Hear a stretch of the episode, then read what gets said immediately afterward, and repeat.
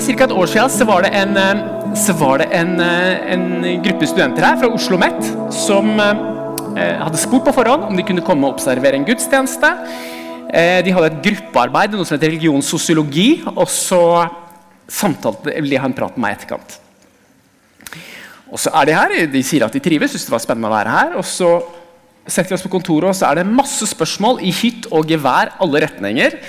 Eh, og så ender det opp med at han ene studenten sier Det vi egentlig lurer på, er Er det sånn at dere er normale, sånne som oss? Bare at dere tror på Jesus? Eller lever dere helt annerledes liv? Er det sånn at dere er helt normale, sånn som oss, bare at dere tror på Jesus? Eller lever dere helt annerledes liv? Jeg skal heller ikke si hva jeg svarte.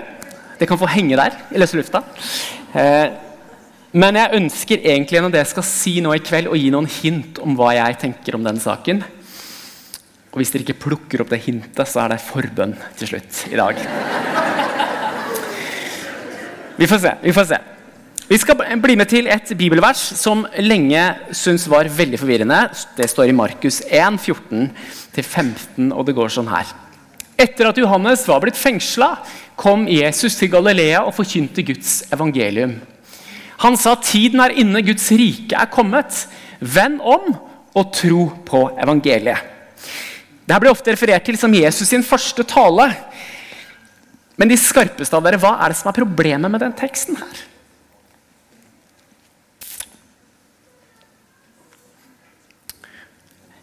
Hva er det evangeliet Jesus snakker om? Han har jo ikke dødd. Han har jo ikke stått opp fra de døde. Syndene våre er ikke sona for. Hva er det som er dette evangeliet som det rables om her?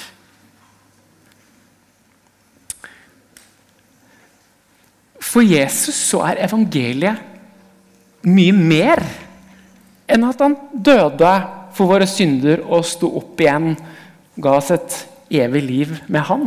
Det er kanskje det er den viktigste dogme vi har. Det er der det starter. Men for Jesus så er evangeliet mye mer. Det Jesus sier, er at 'jeg har kommet fra himmelen til jorden' for å starte en revolusjon. Det er et veldig lada ord, men det er i mangel på noe bedre.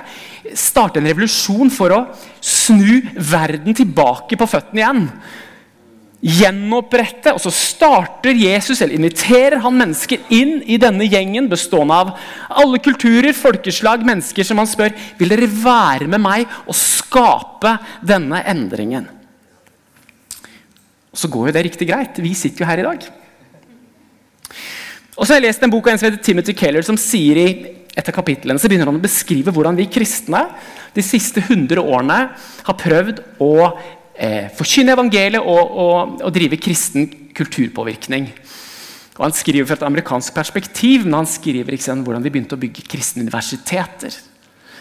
Hvordan vi etter hvert fikk opp kristne TV-kanaler. Eh, vi rulla et program hvor vi fikk kristne til å ta spesifikk utdannelse for å få dem plassert på rette steder. Hvordan man begynte å organisere seg i pressgrupper, politiske partier osv. Veldig mye av det er jo bare å nikke og si 'kjempegjest til'. Men vet du hva? når Jesus skulle snu hele verden opp ned, så kalte han på noen helt enkle mennesker. Og så spurte han dem Vil dere leve et annerledes liv? Vil dere leve et liv hvor det er andre kriterier for hva som er suksess? Hvor det er andre mål enn hva man selv kan få? Er dere villige til å leve et hellig liv? Så tror jeg ikke at jeg kan si det som en absolutt sannhet, men jeg har en slags erfaring av at den tida vi lever i nå, så er det flere og flere mennesker som stiller seg noen eksistensielle spørsmål. Vi har fått lov til å lede noen av dem til tro her i kirken. Jeg tror det skjer mange steder. Men kanskje enda mer en opplevelse av at kristne i forskjellige kirkesamfunn på forskjellige steder i verden opplever en ny nysgjerrighet og kanskje også en dragning mot hva er dette kristne livet egentlig? Hva ser du ut som? Hva koster det? Hva er det å være en kristen? Hva er det å leve et hellig liv? Og Jeg bruker det ordet 'hellig' fordi jeg tror at få av dere bruker det om dere selv. Men hvilke ord vi bruker, teller. så kom tilbake til det. Men det vi har kalt det, er å leve et hellig liv. Så tror jeg kanskje få dere har gått og tenkt på det, at dere savner et hellig liv.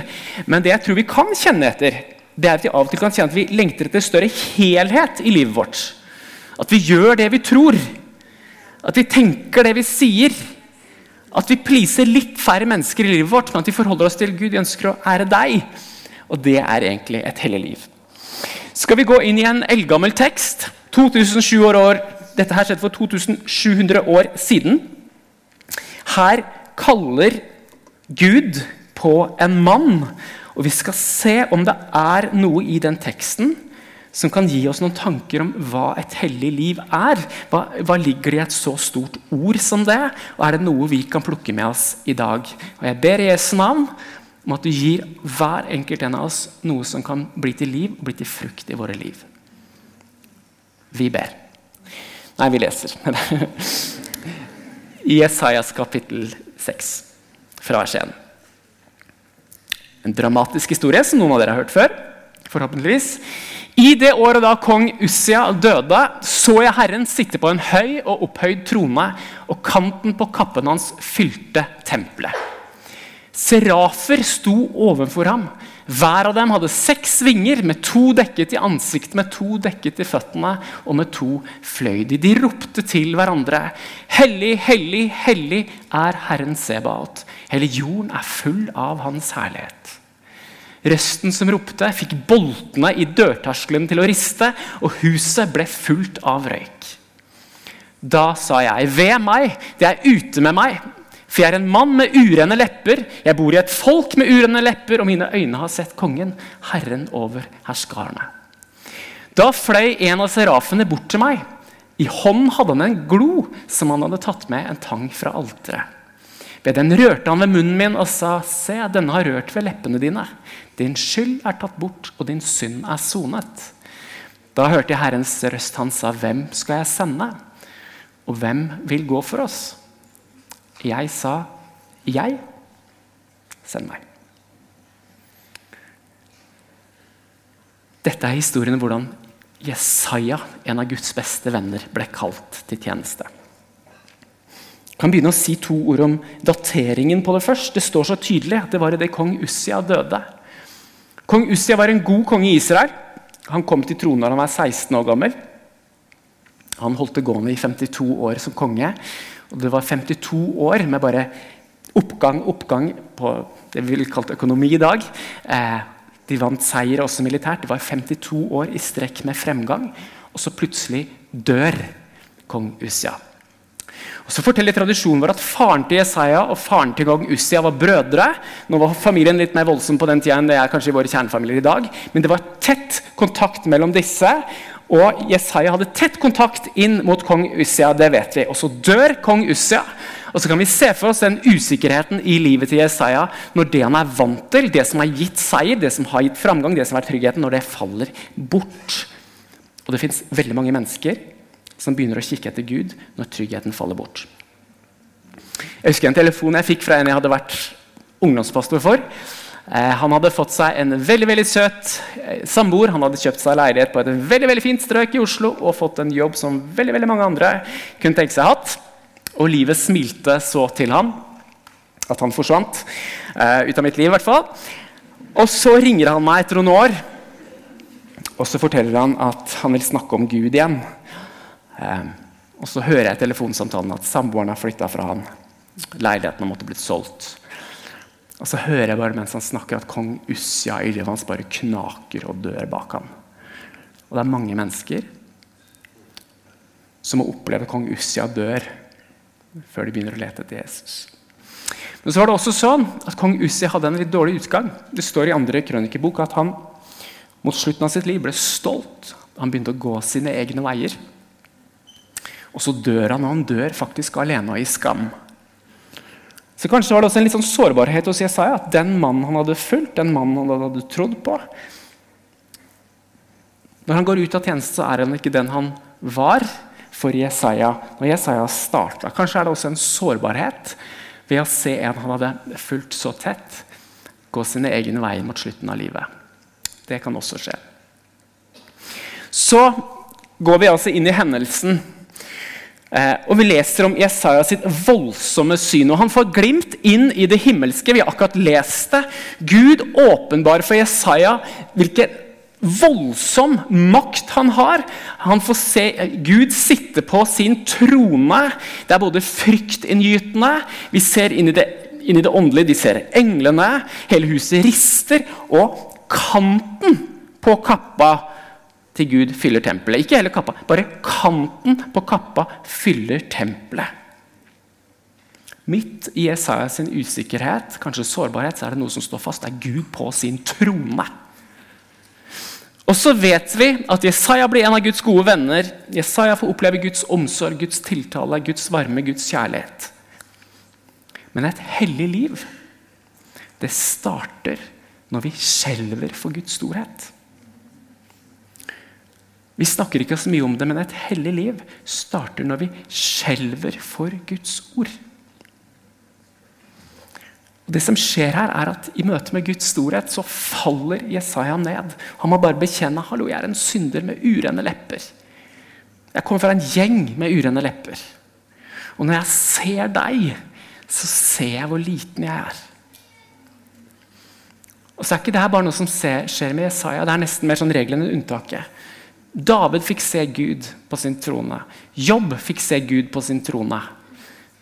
Jeremia, Daniel, Esekiel, apostelen Johannes Flere fikk i syn se Gud sitte på sin trone, og så var det inngangen i deres liv med Gud. Og folkens, Materialismen og ateismen forteller oss at det finnes ikke en sånn trone. Kjernen i de livssynene, kjernen i den forkynnelsen er at det finnes ingen trone, det finnes ingen autoritet, det finnes ingenting som er over deg. Humanismen vil fortelle at det finnes sånne troner, men at du selv må sette deg på denne tronen. Mens Bibelens budskap er at det fins en trone, og at det fins en Gud som fra evighet og til evighet sitter på en sånn trone.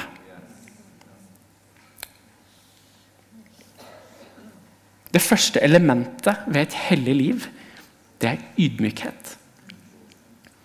At du er merka av at du har sett en stor Gud. Du har skjønt hvem du er i forhold til Gud. Det er ikke best buddies møtes her. Kan bygge vennskap, men det begynner med at han er der, og du er her. Det er noen voldsomme bilder, men hvordan ser det her, hvordan ser det her ut? Jeg, jeg jeg var på Hamar for ikke så lenge siden. Jeg kommer fra Hamar, og jeg kjørte forbi der hvor den menigheten jeg gikk i som barn, var. og så ble jeg minna om at på, på, døra på den kirken så sto det alltid ukesplanen hva som skjer i den kirka. fra Delfia Hamar, for den som kanskje har gått der. Da hang det alltid et ukesprogram. Så sto det liksom uke 42, for eksempel, Og så sto det bønnemøte tirsdag, gudstjeneste søndag, barnearbeid torsdag. Vet ikke. Men så sto det alltid en setning før programmet Vet du hva det sto der? Hvis Herren drøyer, sto det. Pinsemeter var hakket mer spicy før, men der sto det også 'Hvis Herren drøyer, så møtes vi til bønnemøte, gudstjeneste og barnearbeid'. Vi sier det ikke sånn lenger nå, men er ikke det en ganske fin inngang? Vi kan ikke planlegge alt. Vi har ikke alt i våre hender. Gud hvis du drøyer, kanskje for oss, de planene vi har lagt for de ti neste årene Gud, er dette i overensstemmelse med dine planer? Det kan være en måte å ydmyke seg på. Nå har jeg en annen bibel i dag, men hvis dere hadde sett min andre bibel, så kunne dere sett merker i den bibelen, for den er pælma i veggen flere ganger.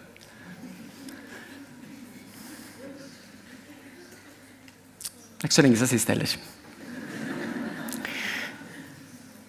Og det gjør jeg jo fordi jeg syns det er tekster i den boka som er vriene å forholde seg til. Jeg har jo sagt at mitt yrke skal være å forkynne den boka der. Jeg bryr meg om hva som står i den boka der.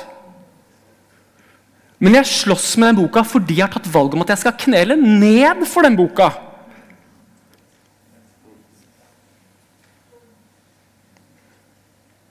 Kanskje er det en del av å være ydmyk og si etter av Guds ord. Det er ting som jeg syns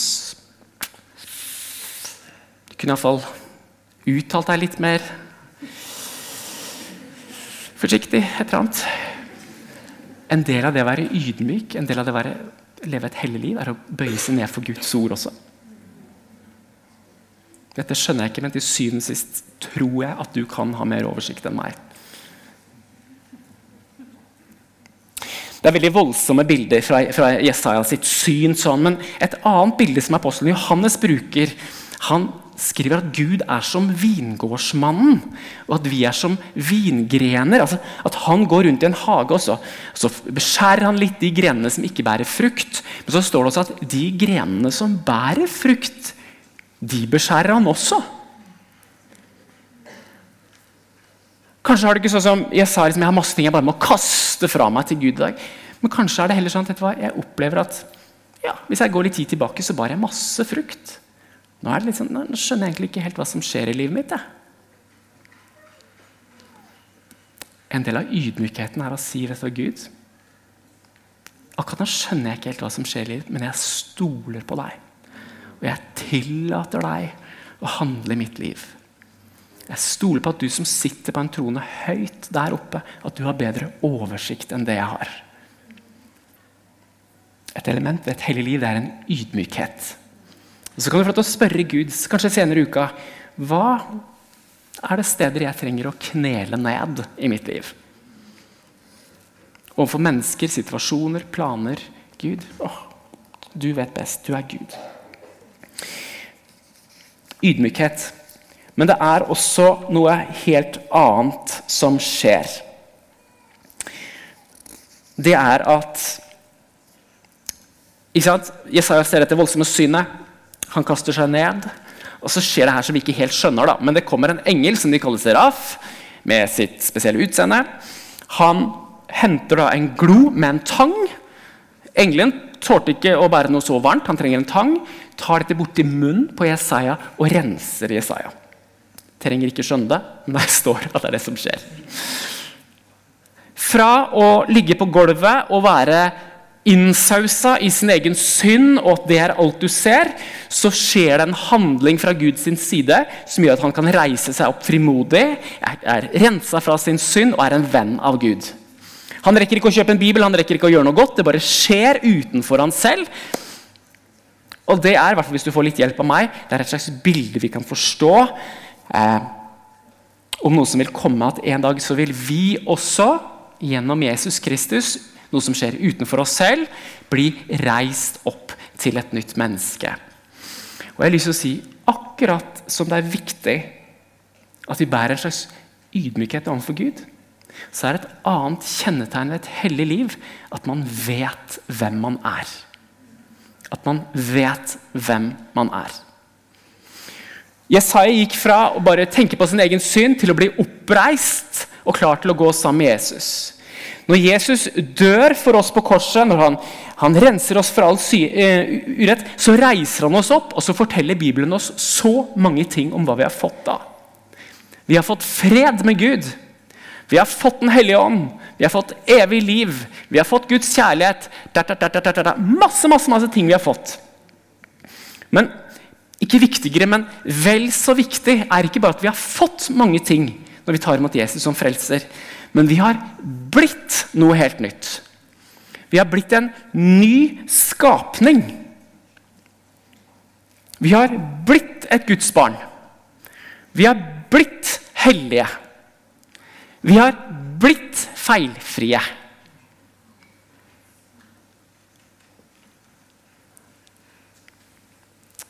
Pluss, pluss, pluss. Hvis du vil bli høy på deg selv en gang, så kan du lese Efeserbrevet kapittel 1, hvor det står alt vi har blitt, alt vi har fått, når vi tar imot Jesus. Men hvis du leser det kapitlet, jeg har ikke tid til å lese det, så står det, er det, en sånn, er det en frase som går igjen hele veien. Det står 'i ham'. Vi er hellige i ham, vi er velsigna i ham. Eh, vi har fått all åndelig velsignelse i ham. Og Her er det noen sånne koder vi på en måte må knekke litt, eller vi må prøve å forstå det. For det Paulus, som er en briljant teolog, sier at i det vi sier ja til Jesus, i det vi døpes til Jesus, i det vi gir oss til Jesus, så blir vi en enhet som gjør at alt det Jesus er, det blir vi. Så Jesus er hellig, vi er Bra, Torstein. Jesus er hellig, vi er Så når Jesus er feilfri, så er vi Jeg vet at det sparker litt på innsida, noen som føler at det ikke er 100% overensstemmelse med virkeligheten. Vi skal komme tilbake til etterpå. Du står i ham, eller in Christ. Det kunne også stått nå er vi tilbake til Efeserbrevet, bare heng med til. Det kunne også stått i Messias. kunne det stått. Like godt oversatt. Og Da kunne du fått fram en litt annen side av det. For Messias var jo denne kongen som jødene venta på, som skulle bringe seier og rettferdighet til israelittene. ikke sant? Og så er det Jesus som kommer som Messias. Og N.T. Wright, en kjent teolog, han sier det at når vi snakker om i Kristus, så må vi tenke på en konge og hans folk. At den seieren kongen vinner, den vinner folket. Den friheten som kongen skaper, den inntar folket. Så for å gjøre det litt sånn, Se det billedlig for deg. så um, Vi sier at nå er David konge i Israel. Og så kommer fiendene opp. Eh, de kommer mot deg ikke sant? opp langs åskanten der. Og så står David og hans hær på denne sida her. Og da er det jo sånn at hvis David sin hær klarer å stoppe fienden, eventuelt å fordrive fienden, så er jo ikke det bare Davids seier, men det er jo seieren til alle de som bor nedover i disse hyttene bakover her. Det er jo bestemor og bestefar, onkler og tanter sin seier fordi at David fordriver dem. Så blir det seieren til alle de andre. Så når David seirer, så seirer folket. Hvis de klarer å bryte seg fri fra fiendene og få frihet, så er det folket som får frihet.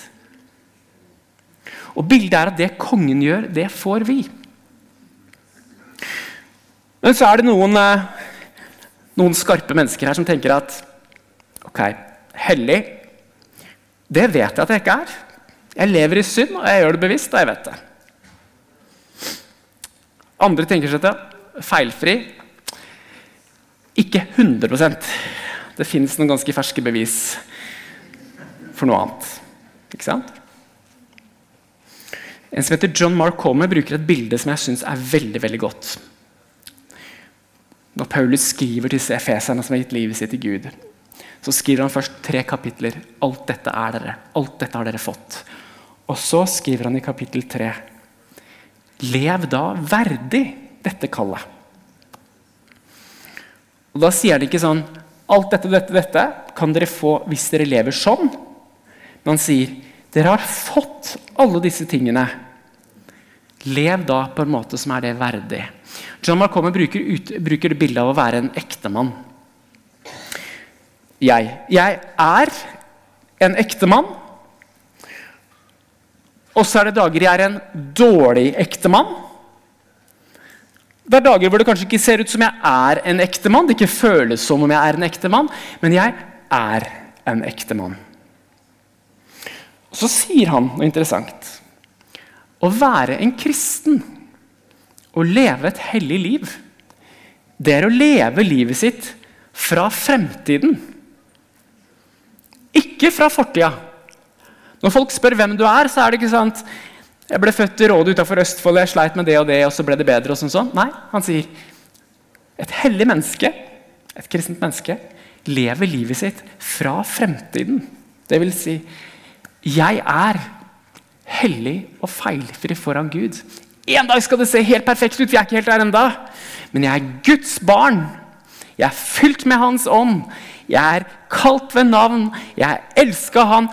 En dag skal det se 100 ut. Foreløpig så er det litt stykkevis og delt, men det er det som er sannheten om meg. Og vet du hva? Å være en kristen og leve et hellig liv, det er å vite hvem du er. Det er ikke bare sånn På søndag så opplever jeg meg litt sånn tilgitt. Nei, jeg er tilgitt.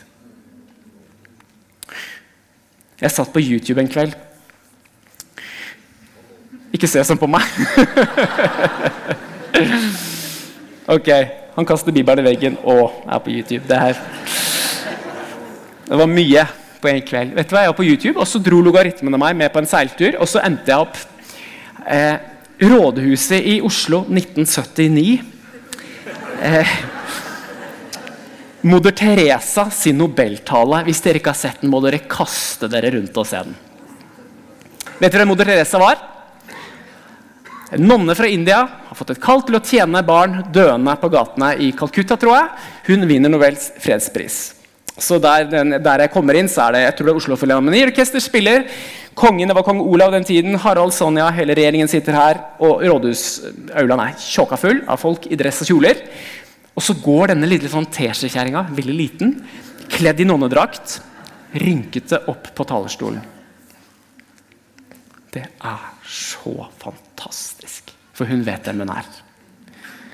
Så går hun rett på og så sier hun, 'Folkens, vi ber'.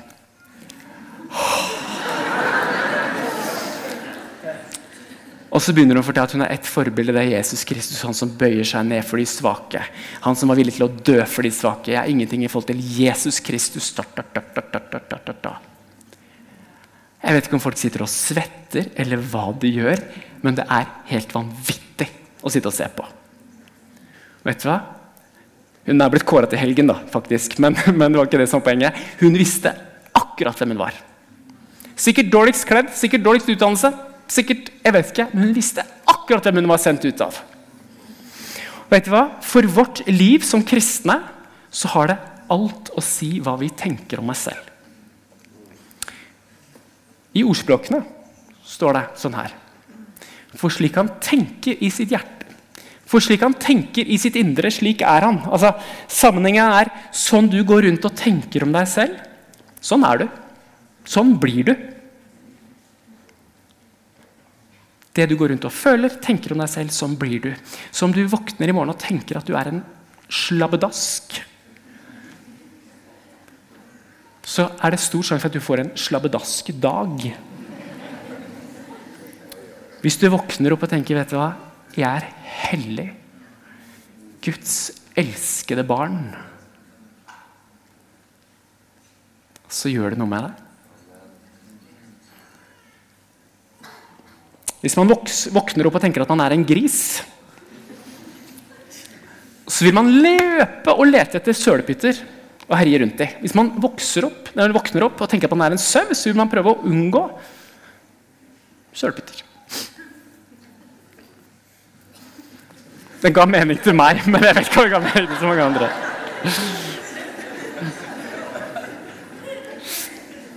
Jeg tror det bare var til meg. vet du hva? Hva vi tenker, det former oss. Det skaper oss. Folkens, skal vi bli sånne små Kristuser, sånne kristne, som lever et annet liv, som, som går med Gud i dette folket, i denne revolusjonen han skaper, så bøyer vi oss ned for Jesus og så sier vi, vi tror du har rett. Og Så stopper det ikke bare der. Vi reiser oss opp og vet hvem vi er. Så går vi med rak rygg Siste jeg har brukt god tid, skal være litt kort. Eh, et siste kjennetegn ved et hellig liv, eller et kristent liv, det er vissheten om at vi er sendt. Det fins ikke ett menneske Jesus har møtt, som ikke er sendt. Prøv å lese evangeliene. Ethvert møte med Jesus gjør at du blir sendt. Det er sånn domino. Den som treffer på Jesus, blir automatisk sendt. Og Hva er det som skjer her? med Esaias han ser Guds storhet, han faller ned. Han blir reist opp av Gud for, for, for, for dette vennskapet med Gud. Og så sier Gud, 'Hvem skal jeg sende?' 'Send meg', sier han. Og det har jeg lyst til å si til dere. Noen av dere er i tjeneste her, noen av dere er i tjeneste andre steder. Av og til så kan du tenke at, at det er den lokale menigheten som har sendt deg, skolelaget som har sendt deg. Sånn. Dypest sett så er det Gud som har sendt deg. Gode tider, dårlige tider, usikker på mine egne motiver. Sjekk motivene dine, men dypest sett så er det Gud som har spurt deg. Kan jeg få sende deg? Du er kalt av Gud. Og overalt der hvor det er vekkelse, så er det noen ting som skjer. En av de tingene som skjer der det er vekkelse, er et klekkes fram kall. Jeg liker å tenke det som at der den, der den åndelige temperaturen er høy nok, så plopper det frem kall. Og jeg ber, om ikke daglig, så ber jeg i hvert fall ukentlig for at vi skal se at det klekkes frem fulltidskall. Veldig mye annet òg, men jeg ber om fulltidskall. At samtalene begynner å gå fra 'hvor kan jeg tjene mest' til 'hvor kan jeg tjene han best'? Og For å tenke veldig lite, tenk om denne kirken her. Vi har en forsamling på Stovner. Tenk om vi kunne ha to-tre til. Men da må vi ha noen som har et pastoralt kall. Som sier at det kan jeg gjøre. Enda mer, Det fins kirker rundt omkring i hele dette landet som ikke har ledere. Jeg fikk en nydelig melding nå fra gått, to stykker som har gått, oss, gått, hos oss for noen år siden. Som har flytta nordover og så har de tatt ansvar i sin egen menighet. Jeg ble så utrolig velsigna av det. Tenk om vi også kan sende mennesker ut herfra. De sier vet du, hva, jeg kan gå inn i tjeneste der. Jeg kan ta det der. Så dere lever farlig. Jeg ber om at det skal klekkes noen fulltidskall her. Men mye mer enn det så er det en, en forståelse av seg selv som sendt. Ber om noen sånne hellige almanakker. Vet du hva det er? Det er sånne gedigne almanakker som minner deg om at livet er evig. Og at den tiden vi har nå, er så tynn i forhold. Jeg har runda 40.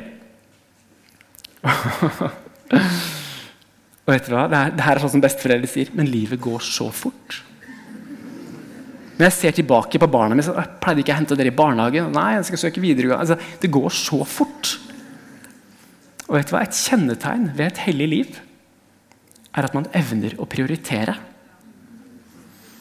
Kanskje rekker du ikke både doktorgrad maratonløping verden rundt, skrive bøker, åtte barn, gründe et firma, skrive bø... Kanskje rekker du ikke alt. Kanskje må du prioritere. Et hellig liv ser ut som noe. Det handler om at noe prioriteres ned, og noe prioriteres opp.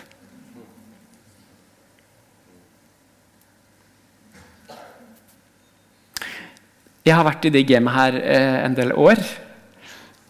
Masse unge kristne. Jeg skal ikke si noe sånn svart-hvitt 100% men det jeg opplever, er at veldig mange idet de går over til et modus av at jeg er sendt ut, så er det noe som løsner på innsida.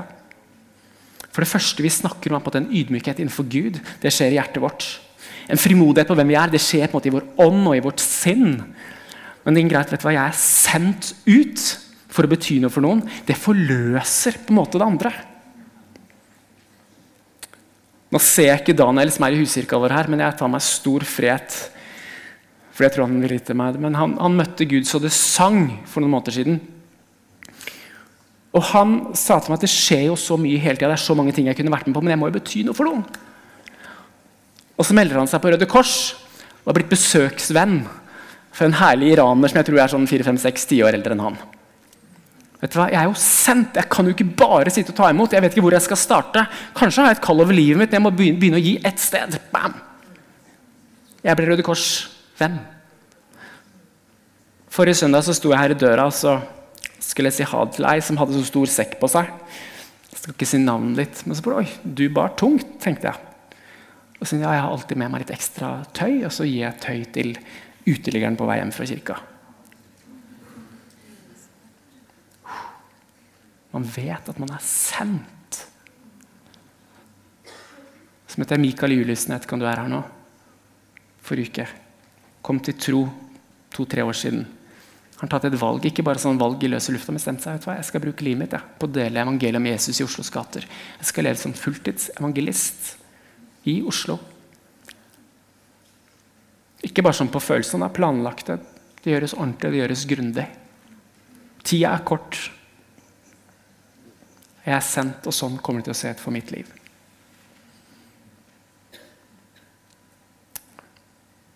Det var så nydelig når vi sto og sang at Gud, du er hellig. Så tror jeg Gud bare ønsker å merke oss med den helligheten. At det ikke bare er en opplevelse i form at det gjør noe med våre liv. Kan jeg få be en bønn om at han skal få til å merke oss med den helligheten der vi trenger det?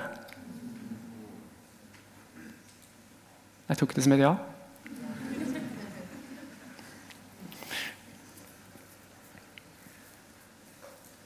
Jesus, du ser at vi ønsker å være med på den revolusjonen eller den Være en del av det folket som du har kalt Jesus til å, til å være med å gjennombrette. Jesus, vi ønsker å løfte opp det som er svakt. Vi ønsker å være med deg, Jesus, og, og gjøre, ting, gjøre, ting, rett. Jesus. Vi ønsker å, å følge kjærligheten mer enn begjæret, Jesus. Vi ønsker å gi mer enn vi får. Jesus. Vi ønsker å ligne på deg. Så ber vi Jesus i en tid som det her, at det ikke bare blir ord, men at det, at det merker livene våre. Så Jesus, jeg ber om at akkurat nå at du taler til de av oss som trenger å ydmyke oss framfor deg. Vi som trenger å møte deg på nytt, at du er høyt opphøyd over alle ting. La oss få se et glimt av det, Jesus. Og vis oss konkret om det er ting vi skal legge bort. Så ber jeg Jesus for andre som trenger å vite hvem vi er. Som ikke styres, som ikke bare skal styres av følelser, men vite hvem vi er. At vi er dine barn. Vi er elska av deg, og i deg så er vi hellige. Vi er feilfrie. Vi er kalt av deg. Vi er fylt av din ånd. Jeg ber rett som at noen skal få kjenne at den, det DNA bare setter seg i ryggmarg, nederst i magen i Jesus, at vi vet hvem vi er. Be for mennesker i salen det er vanskelig å dele tro på studiesteder, på jobbplasser. Det at du fyller inn med oss med en bevissthet om hvem vi er. At vi som moder Therese kan gå inn i en hvilken som helst situasjon og vite hvem vi er. Vite hvem vi tilhører. Jesus og akkurat nå, Jesus, mens vi er et lite stund i stillhet, så ber jeg om at du minner oss om at vi er sendt. Og hvis vi ikke vet hvem vi er sendt til, så ber jeg Helligånd om at du akkurat nå gir oss noen navn eller noen tanker på hvem vi kan få lov til å bety noe for. Helligånd, vi inviterer deg til å tale. Jeg kjente spesielt innenfor dagen egentlig det punktet om å fortelle mennesker hvem de egentlig er.